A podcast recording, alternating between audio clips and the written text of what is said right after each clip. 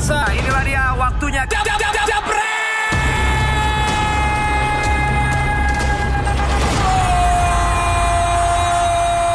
Kembali lagi di Dewan Pandit Indonesia yang udah nungguin yang di ujung nih seperti jadi tunggu-tunggu setelah saya ya.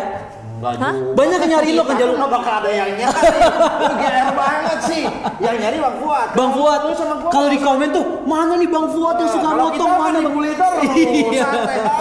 Coba Bang Fuad, mana suaranya Baca-baca. katanya baik yang Rino gitu. Rino James, eh, lu udah terlalu sering, gua udah tahu berapa kali komen lu udah gua screen cap. Gak apa-apa, lu terusin aja ya. Wah tuh, lu bilang Rino ya tuh hati-hati disuruh terusin loh. Gua udah tandain kok. Oke oke. Nah terus untung malam hari ini Jebreters kita akan ngebahas apa nih Tan tadi kita mungkin kalau Iya. ada yang kelewat atau baru mungkin baru gabung gitu. Nah, kita bakalan bahas Piala Super Spanyol. Bang Fuad dan juga Kang Jalu. Ini kayaknya udah satu tiket final udah pasti buat para fansnya Madrid nih. Betul. Terus Bang Fuad kan sempet nih ngebahas sama Bung Binder. Katanya Madrid ini udah bermain eh, nggak ada pakemnya lagi lah gitu. Bang Fuad sama Kang Jalu gimana nih nanggepin Tunggu permainan Madrid? Gue bingung. Ini kan edisi pertama di Arab Saudi. Iya. Ya. Piala Super Spanyol ini ya. Iya kan? Gua rasa agenda terselubung ada. Iya pasti marketing. Bukan. Apa? Mau dibawa umroh semua pemainnya. Dia dari kanan nyerangnya bajanya. iya, nggak ada yang dari kiri mereka. Iya, Nggak berubah Iya. pakem dia tuh dari kanan. Ah, ah, ah. salah lihat tuh. Katanya Madrid berubah pakem dari 4 eh, dari 4-3-3 jadi 3-3-4 salah baca. Iya, lu baca Karena dari baca dari sebelah kanan. Tuh kiri. Eh jangan. Iya, Iya. orang baca dari kanan. Iya. Ozil memang luar biasa. Eh, Ozil udah jadi Ozil di. Bang? Oke, berarti Yang bagus Fernando Hierro semalam Waduh. sama Emilio Butragueno. Waduh. Itunya Itu Real Madrid tahun Hugo berapa, Sanchez dong. Iya. Itu salah itu. Tua ini panditnya. Oke, berarti kita akan ngebahas lebih lanjut Intan ya sama Iya. kedua pandit kita malam hari Oke, ini. bakal dibahas lebih lanjut. Aku permisi dulu ya. Nanti Silakan tebak lanjutin. gambar ada ya? Iya, nanti aku bakal balik lagi buat tebak gambar tetap di Oke. GPI. Oke, Bang Fuad dan juga Kang Jalu mungkin ini keduanya bukan fans dari tim Spanyol lah bisa gue bilang.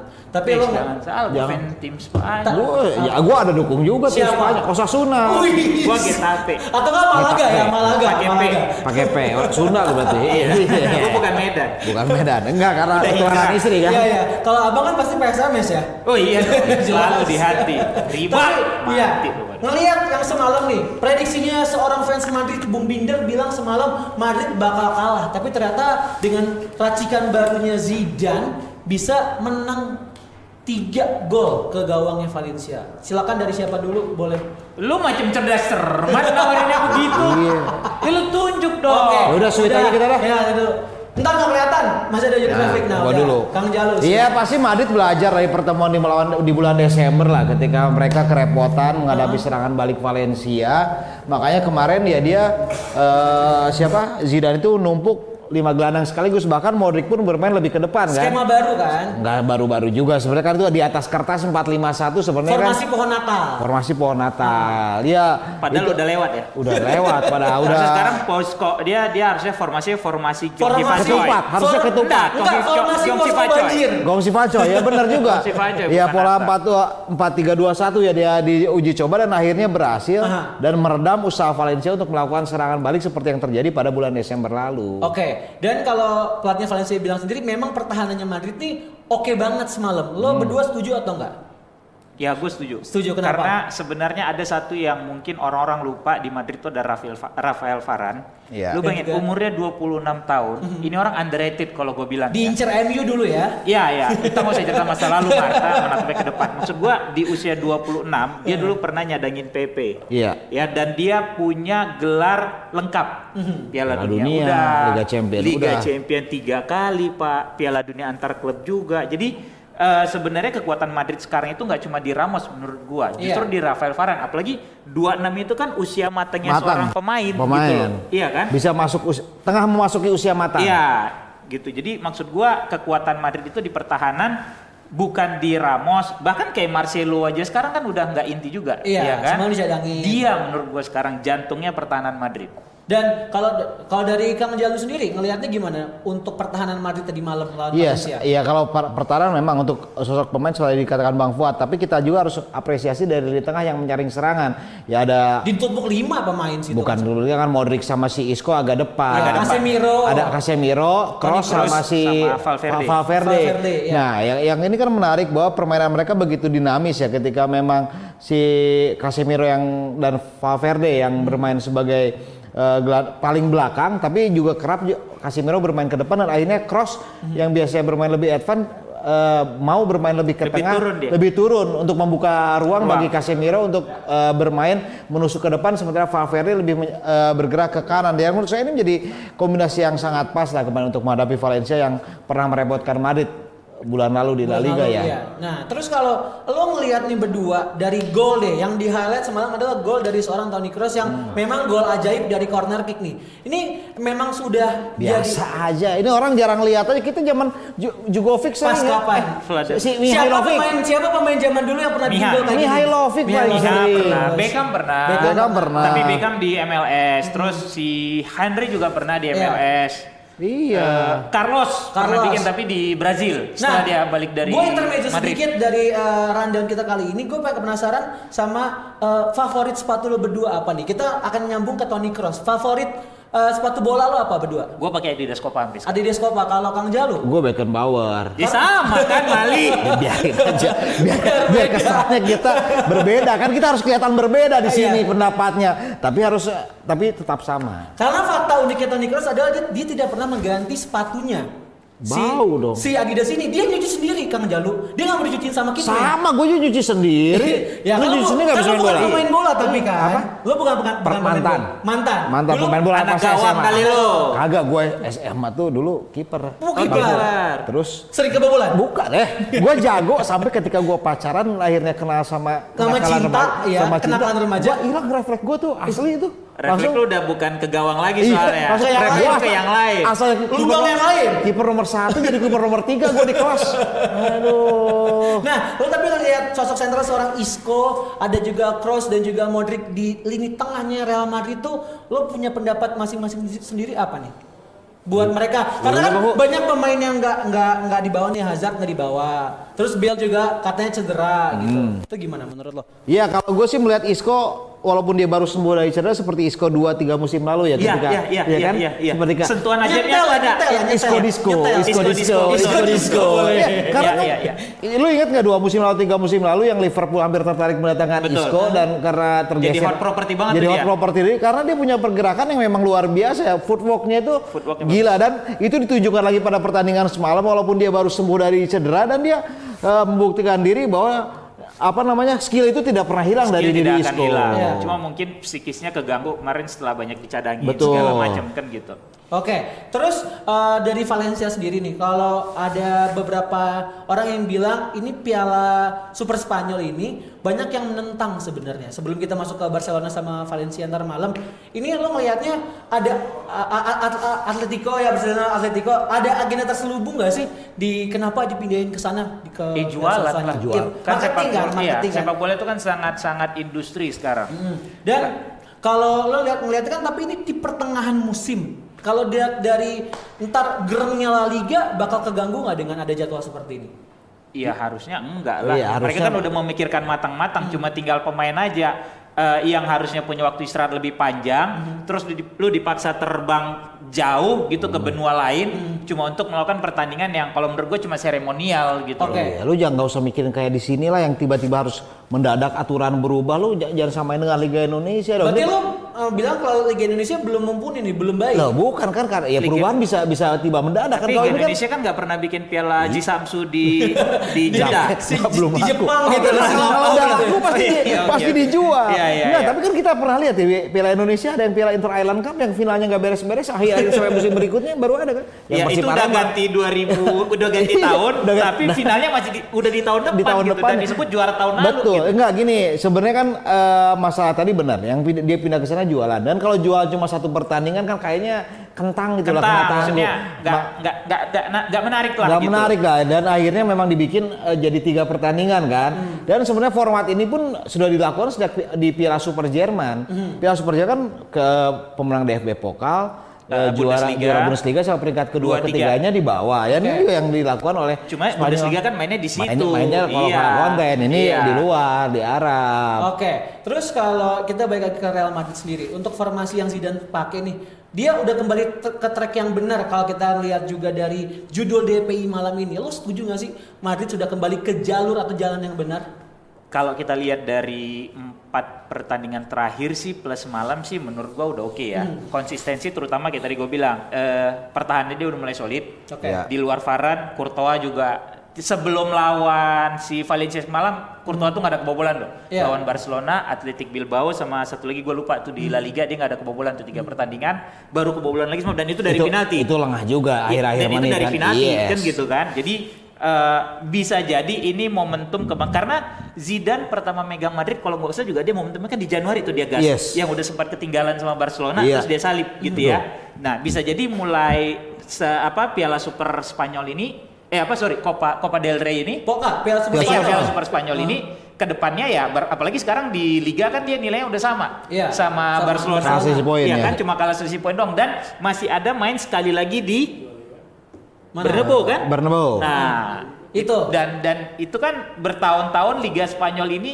yang jadi indikator juara itu adalah El Clasico kan orang Betul. bilang gitu. Iya. Dan kalau lo lihat sendiri, kalau Zidane taktiknya seperti apa nih Kang Jalu? Dia sudah kembali ke track yang benar nggak nih? Katanya kan gue nanya sama Bang Fuad. Iya kalau ke, ke track yang benar gini. Jadi kan memang kadang-kadang untuk eh, Macam Tami ya. Oh iya, track yang benar gimana? Kan bisa nyalip Iya, gitu. Enggak masa Iya ini Madrid udah ihdina sirotol mustaqim. Iya, da- dalam artian Yang gini, artinya, eh. gini loh, eh, Zidane udah berani mengubah-ubah taktik dari pakem yang biasa dia lakukan. Namun Iya. saya ini menjadi sebuah kelebihan. Dia mungkin eh, taktik yang biasa dia diterapkan tidak sukses lah ya. Hmm. Dan beberapa ber- beberapa kali menjan dan akhirnya mencoba taktik baru yang eh, berhasil dan dia akhirnya menurut saya ini membuktikan bahwa dia bisa adaptif terhadap lawan yang dihadapi. Iya. Jangan dengan misal dengan setiap lawan kan dia selalu melakukan pola 4-3-3, 4-3-3, 4-3-3. Iya, dia hampir nggak pernah ganti. hampir nggak pernah ganti. Tapi kemudian dengan ada kondisi yang Kejutan loh semalam. kejutan ya dengan pola bahkan Modric yang biasanya bermain lebih ke dalam sekarang di, di belakang Luka Jovic aja ya. menurut gue ini seperti yang Modric ketika 10 tahun lalu di Tottenham Hotspur bisa Bisa seperti itu. enggak seperti kan Tottenham Hotspur Iya. dia bermain lebih ke Dia depan kan jadi playmaker jadi playmaker sebelum seperti diganti sama Erikson. Nah, ini kalau Madrid yang kayak semalam nih yang menang lawan Valencia, misalnya nantinya di Piala Super Spanyol ini ketemunya sama Barcelona bukan sama Atletico. Menurut lo nantinya El Clasico eh, yang ada di Piala Super Spanyol ini akan seru atau malah membosankan kayak yang kemarin, edisi yang kemarin? Iya, kalau kata Ramos nggak usah lah El Clasico di film El, El Derby Madrileno aja. Ntar jangan-jangan kejadiannya kayak kemarin 0-0. Iya, nol, gitu. Iya. Boring. Boring. Bosen. Kalau lu kalau bisa ngelihat Barcelona ketemu Madrid di finalnya Piala Super Spanyol, lo menurut lu bakal seru apa nggak di bang? Ya harusnya sih seru. Iya, karena, Karena- jualannya di situ kan. Betul, betul. Harusnya sih seru itu. Oke. Tapi kalau- yang jelas masalahnya kan eh, yang yang jadi pertanyaan sekarang kan performa Bersol- Barcelona yang masih labil ya. Betul itu dia gitu. Ya tapi memang per- performa Barcelona labil, tapi ketika menghadapi tim besar dia selalu beda. Iya. Nasibnya Kecuali sama- kemarin pas El Clasico Madrid sama aja. Iya sama ya lawan Madrid ya emang ma- menjadi kemarin lawan derby derby Es- derby Espanyol. Katalan juga Seri sama dua seri dua sama. Ya menurut gue sih Ya kuncinya ketika mereka bisa mengalahkan dan saya rasa beda dengan ketika pertemuan mereka mereka aslinya cuma imbang 0-0 ke depan pasti kan ada pemenang nih pasti Iya. akan ada yang dikejar dan pasti ada reward yang luar biasa gue yakin ini akan menjadi motivasi Ada tambahan untuk juara soalnya. betul Oke. Nah, kalau eh, misalnya Madrid ketemu Barcelona, bukan ketemu sama Atletico. Bedanya ketemu sama Atletico gregetnya di mana nih di Piala Super Spanyol menurut lo berdua? Untuk jualannya eh, pihak Spanyol tuh emang pengen pengen apa ya marketingin Liga Spanyol kan kalau misalnya Madrid ketemu sama Atletico itu bedanya apa? mari kita matikan Barcelona Atletico Madrid Atletico. Nanti di final, di final. kalau di final, ya. ya kita Jangan ngegas dong. Iya, enggak, jangan enggak, kita bertahap dulu dong. Oke. Kita bahas dulu di Satu-satu. semifinal dulu, baru nanti kita bahas Ini final kan belakang. pengandaian Barcelona Ah. sama Atletico nanti kita ada dibahas di segmen berikutnya yang sekarang Iya. kalau misalnya Madrid ketemu sama Atletico. Kita menurut lo Iya enggak, segi kalau gue sih mau mau Atletico atau Barcelona yang dihadapi untung aja bukan Valencia yang lolos nih Iya. ya. Karena Madrid yang lolos sudah pasti jualan. Jualan. Jualan tetap. Dan kalau misalnya ada Atletico yang di final, prediksi lu siapa yang akan juara? Madrid. Madrid lah. Pokoknya Madrid. kota Madrid akan berpesta. Iya. Iya, Madrid. dua-duanya karena Madrid gitu. Iya terserah, pokoknya Terserah kota Madrid yang akan berpesta. Iya, iya, iya. Kota Madrid akan berpesta. Tapi semalam sih kalau gue bilang juga tiga gol itu termasuk kesalahan pemain Kip- belakang iya. Valencia sih. Kenapa? Yang pertama itu kan Gua pojoknya Cruz itu kipernya terlalu Kipernya keluar. terlalu Jauh maju. maju.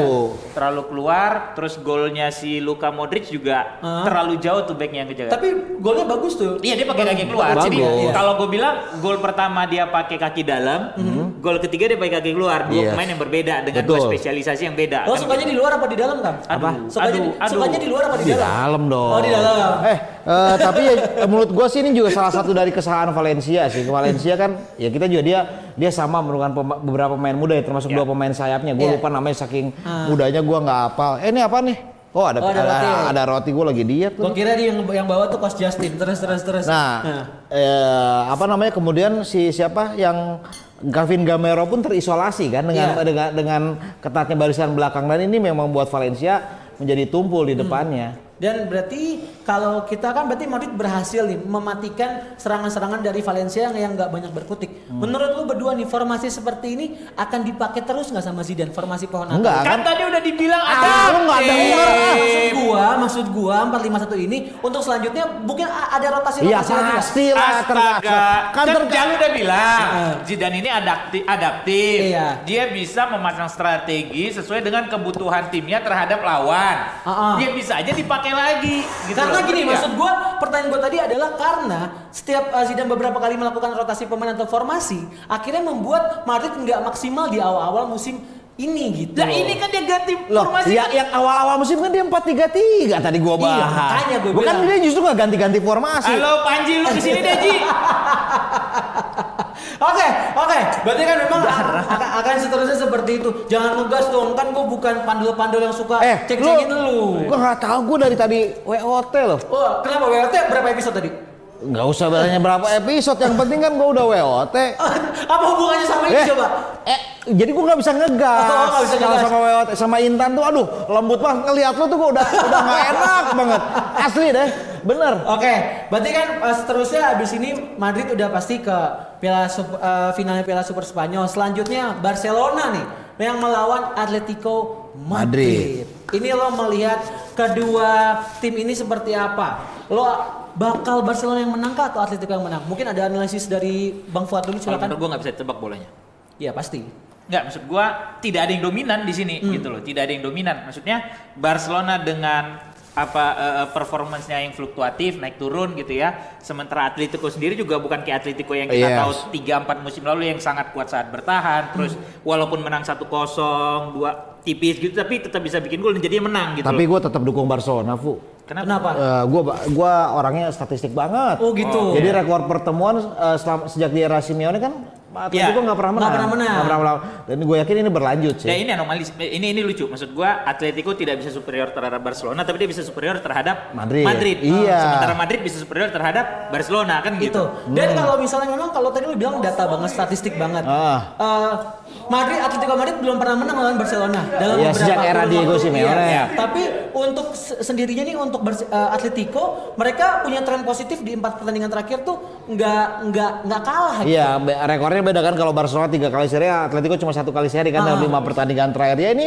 memang bisa menjadi modal dan akan bisa seperti dikatakan Bang Fuad. Ini akan menjadi akan menjadi bola liar lah, tidak akan bisa ditebak karena siap bisa jadi Atletico yang rekornya buruk justru bisa meraih oh ini yang ini lebih enak nih. meraih salah kursi gua. mera- meraih Ya, kita udah ada bisa, Abang bi- Valen. bisa bisa meraih kemenangan lawan lawan Barcelona. Coba sini. Oke, geser dikit. Nah, terus kalau dari Bang Fuad sendiri analisisnya, kalau dari statistik yang tadi dibilang Kang Jalu, Barcelona oke nih rekornya lawan Atletico, tapi Atletico juga punya gregetnya sendiri dong pastinya. Untuk bisa menang lawan Barcelona. Nah, lo ngelihatnya seperti apa Bang Fuad? Ya kalau greget ya pasti ada Iya, lah, pasti iya. mau ke final lah, Iya, pasti mau pasti. Gue menang kadang-kadang gitu. kesel juga nih lama-lama nih dia nanya gregetnya kan tadi tadi udah ditanya gregetnya pasti Iya, greget. greget. Iya, maksud gua apa yang jadi pembeda nih untuk Atletico bisa uh, menang lawan Barcelona malam hari ini? Nggak bisa menang Atletico malam ini. Nggak bisa menang malam? Nggak bisa menang. Enggak, menang Barcelona. Menyulitkan iya, Ya. menang enggak. Faktor apa yang ngebuat lo oh, kayak Atletico nggak bisa menang? Dari apanya nih? Dibahas. Statistik udah dibahas sama Jalu. Pasti. Ya Cuma udah. Kalau dari Diego Simeone bilang kan, ini si Joao Felix bakal dimainin dari dari menit awal. Ya mau Jadi jadi, pembeda menit awal jadi pembeda enggak lah. Ya memang kuncinya akan jadi di Morata sebenarnya kuncinya. Tinggal mereka melakukan serangan balik atau Hmm. tidak. Tapi menurut gua Barcelona udah siap sih dengan meredam itu semua. Hmm. Oke, kalau Abang Valen ada prediksi sedikit Abang Piala Super Nggak. Spanyol Nggak gue dengar tadi laporan apa? isinya cuma ngebuliin lu. Iya. Komen-komennya. Komen-komennya pa- pada kangen ngebuliin gua. Hmm. Gitu. Kenapa, Bang? Ya kalau dari gue sih Apa? lo harus hargain lah sekarang Instagramnya Mardel tuh pakai Iya, konsep. Betul. ya kan? Ada pelatihan segala macam Iya, silakan. tapi kan itu yang gue minta buat public speaking TV. tapi dia malah bikin buat dirinya sendiri si anjing. Aduh, aduh. Dengan alasan katanya terlalu sibuk Waduh. dan segala macam. Katanya dia bagusin sendiri asetnya. Dia ngambil job gua juga di O Channel. Waduh. Ya. Bang Fu aku belum melipir kan. Abang nanti lagi, Bang. Abang nanti Jadi lagi, Bang. ini gua apa ya? Gua harus berpikir berapa kali ini berarti mengenai jadwalnya Mardel. ini. Waduh, udah tinggal seminggu sekali Tapi pas sekarang. gua lihat followernya 6000 gue juga jadi kasihan. Ya. Kagak naik-naik gitu, Bang. ya. Jadi apa yang di IG itu udah kau tawarkan? Enggak, ak- saya aku justru minta bikinin awak menyewa dia sebagai profesional untuk bikinin seperti itu di public speaking TV Eh. Instagram. Enggak, aduh. Ternyata dia bikin sendiri tapi tidak minta support gua. Akhirnya udah bagus-bagus cuma 6000 doang buat apa? Sementara gua posting orang banjir ya kan. Iya. Lumayan banyak. Walaupun ma- masih Posting temennya dia naik sepuluh ribu. Iya yang waktu itu Iya, kan. iya. Iya. Iya, tapi enggak, tapi di luar dari itu walaupun lu lihat dia memang kardus segala macam, tapi Mardel ini memang kardus kalau ngomong langsung di kamera. Iya. tapi secara konsep dia ini lumayan lah. Jadi buat teman-teman mengkarduskan dia depan kamera nggak apa-apa supaya dia tetap semangat. Tapi kalau di balik layar, gua boleh Tanding kasih lu sama dia. boleh kasih tepuk tangan lah buat Boleh. Mardel ya. Dan Alhamdulillah, dari udah sampai episode 87, Ya. baru kali ini gue dipuji sama Bang Valen. Makasih, Bang ya. dan Mardel juga rencananya akan ada di lo di mana? Densu atau apa lo agensinya? Apa? Bukan, bukan itu ada baru startup juga. saingannya. Bukan, bukan, dia jadi belum- dia, belum tinggi lah. Jadi dia di TV dapat, radio akan dapat, kemudian di agensi dapat, foto juga Iya, ya. iya, iya. Dan MC juga bisa kan? MC bisa. bisa. juga. Jadi sebenarnya lumayan paket lengkap lah. Jadi kalau lu yang ngata-ngatain dia kardus segala macam, Ya. aduh udahlah, mikir dua kali Mikir lah. dua kali ya. Nah, Benar. Tapi memang masalah pertanyaan ya, masalah membawakan acara memang masih sampah. Masih sama. Ya. Masih Tampak FC. tapi dia kira-kira kalau jadi MC nanti MC kawinan nanyanya itu itu terus. Dia kalau jadi MC kawinan dia mikirin Dia, konsep. dia gini kok, ini kan malam pertama. Iya, Greget gitu. nggak? Dia lebih bagus jadi wedding organ wedding Nah, organizer-nya. wedding organizer-nya ya, aja. dibandingkan jadi MC-nya ya, Oke. karena banyak kan mikirin konsep. Barcelona tidak akan menang lawan Atletico. Eh, terbalik. Kebalik, Menang. kebalik. Hey. Pasti menang. Oh, pasti menang. Pasti menang. Pasti menang. Pertanyaan lo ke gua apa?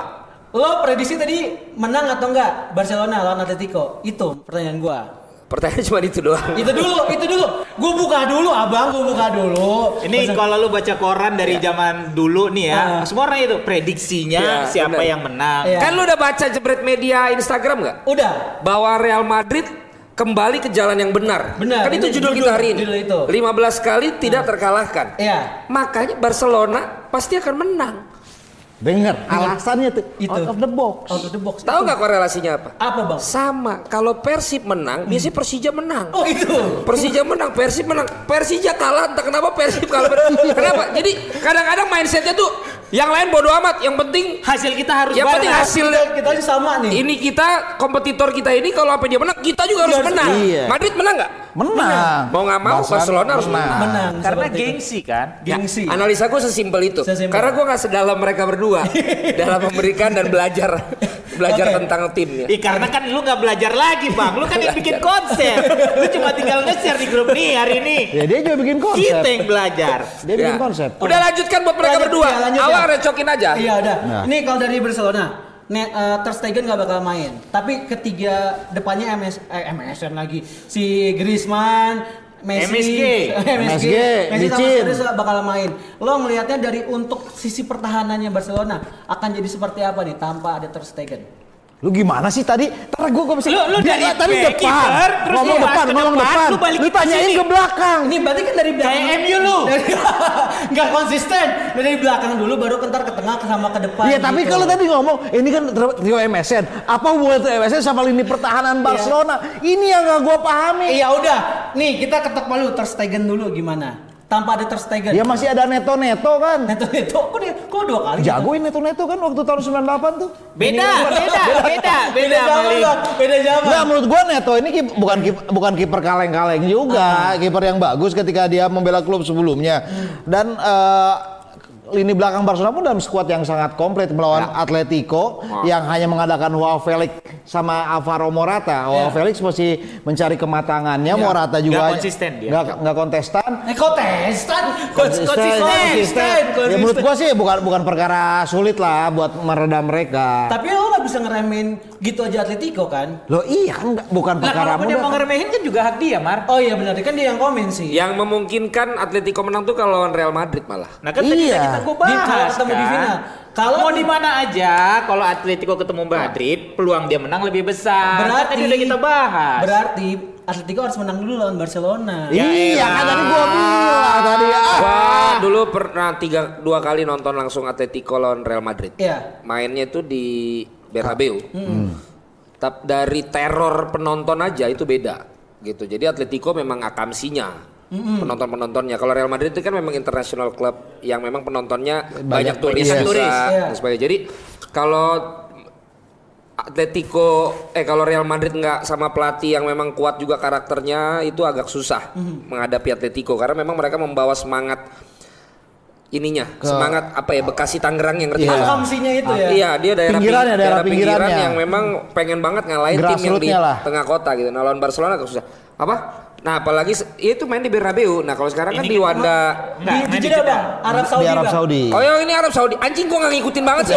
ini masuk. Eh, Ini ta- PR apa sih? Tapi Bapak ya, biarin kecil sedikit, eh, ntar dulu. Kecil Tapi ini yang menarik. Yang ke Bernabeu itu ada cerita menarik. Tolong ceritain dulu dong. yang hilang. Iya. Beda bego. Oh beda.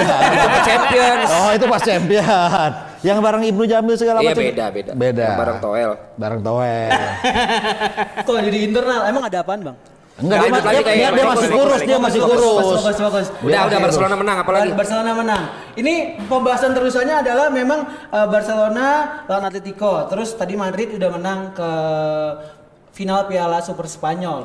Seterusnya, ini kalau kita ngomongin salah satu pemain Barcelona, Frankie De Jong, yang kemarin baru aja kena kartu merah waktu derby Katalan. Ini banyak yang bilang eh, mempengaruhi permainan Barcelona. Iya pas lawan derby Katalan iya. Iya, cuman untuk sekarang ini, untuk yang eh, ya De Jong, De Jong tuh masih muda gitu. Terus mengganggu nggak sih dari lini tengah? Tadi kita udah ngomong lini belakang nih sama Hmm. kiper. Kita ngomong ke lini tengahnya Barcelona seperti apa nanti? Ya menurut gue sih De Jong harusnya dimainin lagi ya karena gini dia udah kartu merah. Udah pasti di La Liga kan dia Nggak akan bermain. main. Nggak akan main Mendingan udah di, mainin sekarang. aja di sini Kan sekalian. tidak ada peraturan yang kena kartu merah di sana tidak boleh main. Ah, ah, jadi menurut gue sih De Jong ya ini masih sangat muda juga ya wajar lah. Namanya darah muda wajar ada kartu merah juga ya itu justru jadi pembelajaran.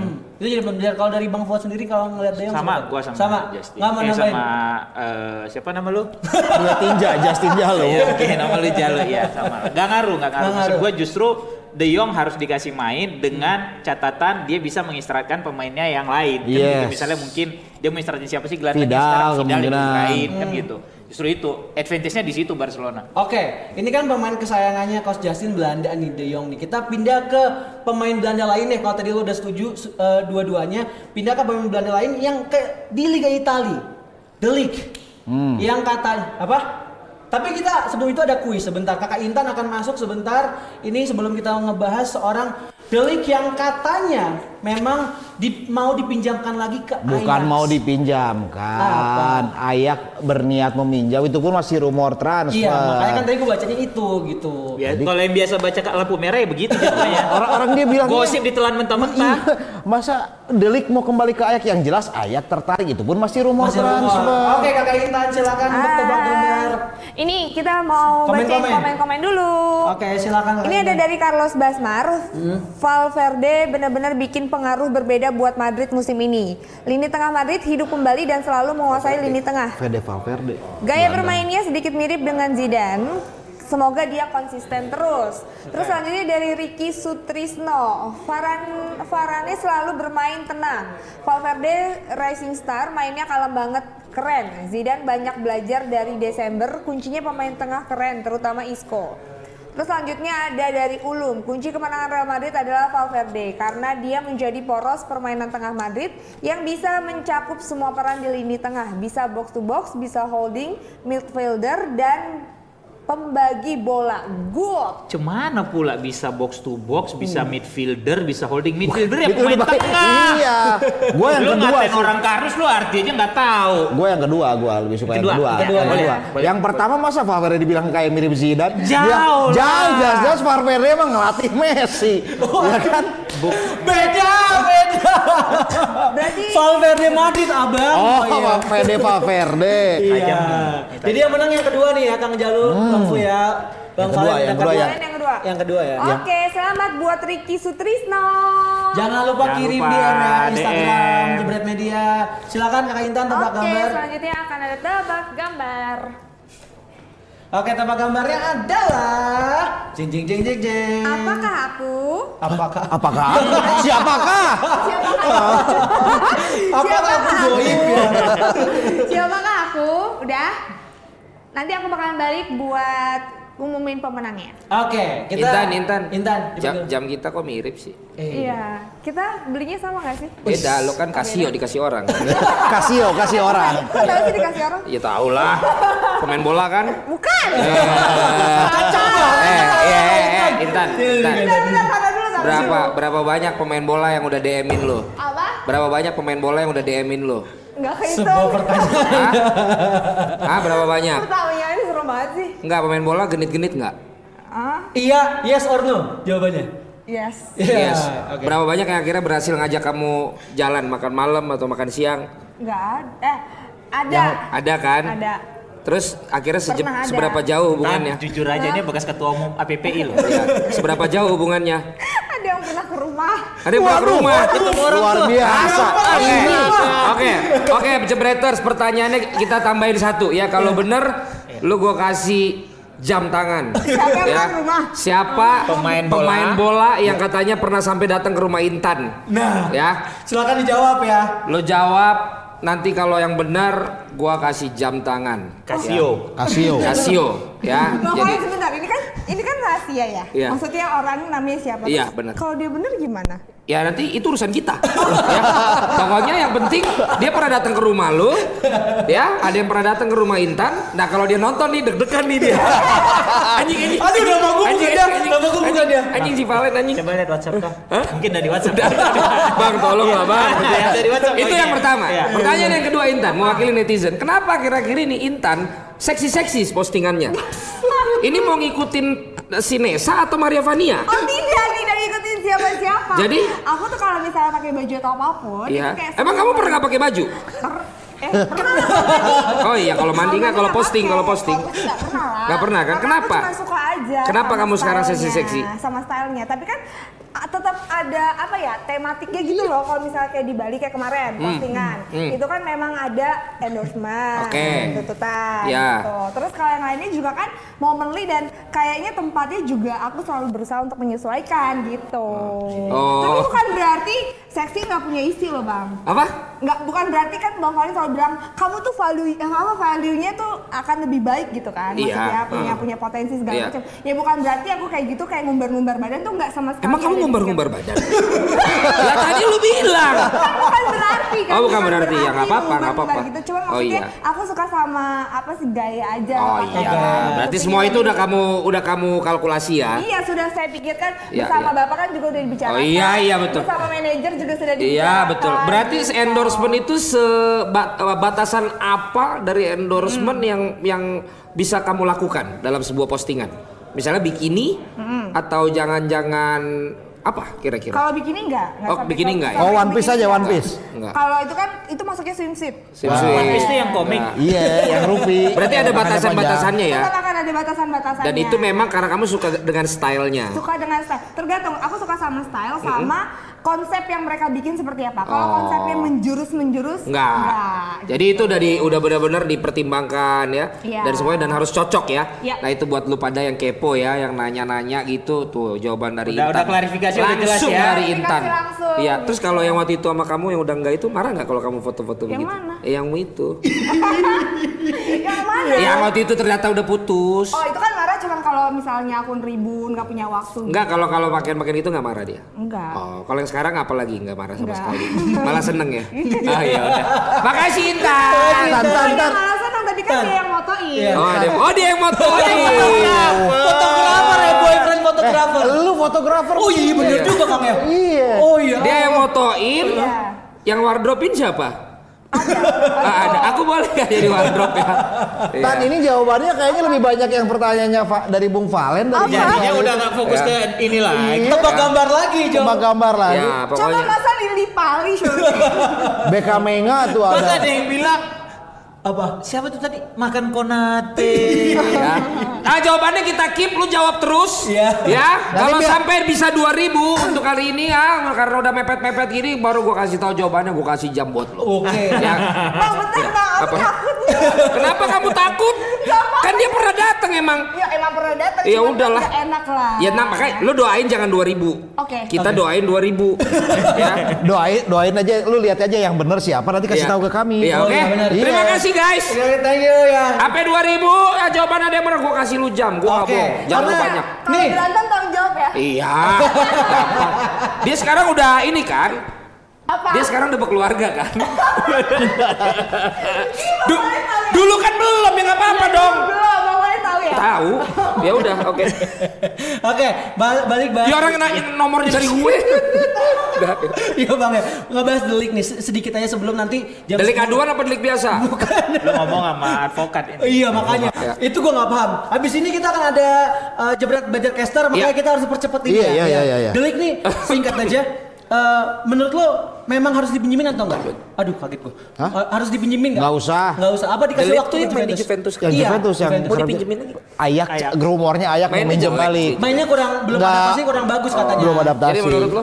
Kalau menurut gua sih jangan lah. Orang baru enam bulan. Italia ini kan beda sama Belanda. Gaya-gaya bermainnya lebih rapat segala. Apalagi gini, kalau di Italia itu bukan hanya striker tapi ki- back itu selalu menjadi sorotan utama karena kita tahu bahwa budayanya Italia defensif dan eh, stra- standarnya Delik ini belum seperti back Italia. Ah. Oke, itu dari Kang Jalo dari Bang Fu. Sama- jangan dipinjemin. Jangan Biarin dipinjemin. dia belajar di situ karena balik lagi kayak tadi kan Jalu bilang bahwa budayanya Italia itu catenaccio. Jadi standar mereka untuk pemain bertahan itu sangat tinggi. Betul. Lu lihat dari mulai zaman si Cannavaro, Iya, Nesta segala yes. macam gitu kan. Standar mereka tuh di situ. Sementara Delik datang dari negara yang uh, Bermain profesinya menyerang. Menyerang. Iya. Dia bukan bertahan gitu loh. Siapa sih pemain bertahan dari Belanda yang sukses di Itali? Even Jabstam aja nggak berhasil banget. Iya, di Ya. Lazio waktu itu ya. Di Lazio, di Milan gitu loh. Iya kan? Hmm. Ronald Koeman berhasilnya malah di Barcelona. Oke. Siapa yang berhasil main Belanda di situ? Kalau menurut Kang Jalo? Iya, kalau gini ada gue lupa yang ngomong Nesta apa Maldini ya yang mengatakan bahwa kalau pemain belakang itu akan tetap mendapatkan applause walaupun ngejatuhin pemain lawan. Ya sementara kan Delik kita bermainnya lebih taktis. taktis. Ya. Stylish dia. Stylish ya belum bisa seperti harapan fans ya dan itu yang wajar yang membuat mengapa Delik ini sejauh ini belum eh, mendapatkan apresiasi yang cukup. Tapi kan kita lihat Fabio Capello aja sampai mendukung bahwa Delik ini menjadi salah satu potensi besar bagi Juventus di masa depan. Platini aja kata dia butuh tujuh bulan untuk jadi bagus di Juventus. di Juve, betul. Delik baru lima bulan. Ya. Oke, siap. Berarti uh, Kakak Intan silakan masuk kembali di sini. Kita akan menjawab pertanyaan dari Bang Valen. Iya, siapa yang menang? siapa yang menang? Tanya Oh, Bang Valen. Iya yang eh, yang pernah ke rumah siapa Yang ada punya benar? yang punya clue apaan? Oh, nggak usah ntar aja, belum 2000. Belum 2000 ya? Pokoknya lu Ya, ya. jawab aja. Tapi yang jelas dari semua ba- jawaban itu bu- nggak ada. Nggak ada, Bang ya? Nggak ada. Nggak ada. Pokoknya Oke. lu nggak duga-duga deh. Tapi nggak apa-apa waktu itu kan memang masih jomblo. Oh, si jomblo. Nggak masalah. Penting lu tebak aja terus. Tuh ada Adam Johnson. Ya. Bakar Isaknya. itu tadi yang kuis benerannya? Kuis benerannya ada yang jawab, coba. Sebenarnya ada nih, tadi jawabannya Matias Delit. Yang benar adalah Muhammad Dadan Ramdhani. Itu mati plus as plus light. Iya. Oh, Matias. As Matias Diamond. Delit. Ya, ya, ya, ya, ya, ya, ya. Oke, lah, berarti pembahasan malam hari ini kita sudahi dulu sampai sini karena habis ini bakal ada jebret belajar caster. Sama Tapi- ada kita kita akan wawancara lanjutan dengan Intan. Iya, Iya. Oh, ya. Itu ada yang jawab masa Ismet Sofyan. Jadi nanti ada ada jawaban-jawaban yang kita akan lihat dan kalau memang ternyata nggak ada kita lanjutkan besok. Besok. Pokoknya Iya. sampai Pokoknya ketemu. sampai ketemu. sampai Sampai ketemu ketemu. jawabannya ya. Oke. Ya. Abang dan kalau misalnya misalnya besok gitu berarti jamnya dua. Ya. Misalnya besok tambahin terus hadiahnya. ya. Banyak. Benar. Mau Oke. kasih clue nggak? Clue-nya besok aja ya. Nggak, eh nggak usah ada ada Kok jadi kurang gitu? Lu malah lu malah pengen dikasih tahu loh. Ini bang bukan. Tadi di dalam di briefing sama Gani. Kok di briefing ini gitu. urusan pribadi? Oh, pribadi Di juga. briefing. Jangan dong. Oke, siap. Kita Coba kalau lu bahas urusan pribadi Bukan mereka. satu. Clue-nya pemain Liga 1. Bukan. Clue-nya cuma satu. Apa ke clue-nya? rumah. Clue-nya apa? Pernah ke rumah. Sama pemain Liga 1 kan? Kan Tadi kan, tadi. ya kan maksudnya clue-nya itu lagi. Jadi nanti gua ada jebret belajar caster sama pasta. Pasta. Pasta Pasta itu apa, ini Bang? adalah the most favorite e-sport caster Oke. tahun 2019. Jadi kalau gue PGA dia Yang cewek itu ya? e-sport itu orangnya cowok. Oh, ya. aku pikir Terus itu yang satu cowok. ada juga karena kita ada program baru juga nanti sama Free Fire. Nah, live streamernya tuh juga seorang coach ternyata. Dia bernama Fayat dan karena dua-duanya ada, ya udah hari ini tadi kan nama si Pasta aja tapi sekalian nah kita kita gabungin dulu mereka bareng. Nanti kita akan banyak ngobrolin e-sports terutama PUBG, Free Fire sama karir mereka sehingga bisa seperti sekarang terutama Pasta yang jadwalnya lu kalah Mar. jauh, Bang. Jadwalnya Pak Followernya juga kalah. ya? Kalah. jauh juga. Terus sekarang dia juga udah punya kayak podcast sama kayak Dedi gitu. Dedi Oke. Corbusier. Miing. Ya. Oke, sama satu lagi jebretan jangan lupa kita akan ada yang namanya DPIs on the weekend. Nah, itu Ya. barengan sama Shopee nanti ya. Jam 3 sore betul ya, Jam Bang, 3 ya? sore di platformnya Shopee. Oke, Ya. jadi ya pengen klaim-klaim voucher bisa Ya, semuanya. DPI Shopee Sunday Sotoy. Wih, keren namanya. Ya. Pasti ntar ada Kang Jalu, ada Bang Fuad pastinya ya. Enggak dong. Nggak jalu nggak? Nggak. Karena dia ke lapangan pun nggak ngangkat KPI-nya. Iya. Jadi programnya berhenti kan? Iya. Berhenti bulan Oktober. Iya. Oke lah. Oke udah. Kita ketemu besok lagi di DPI. Pastinya Agus, Agus. Dadah.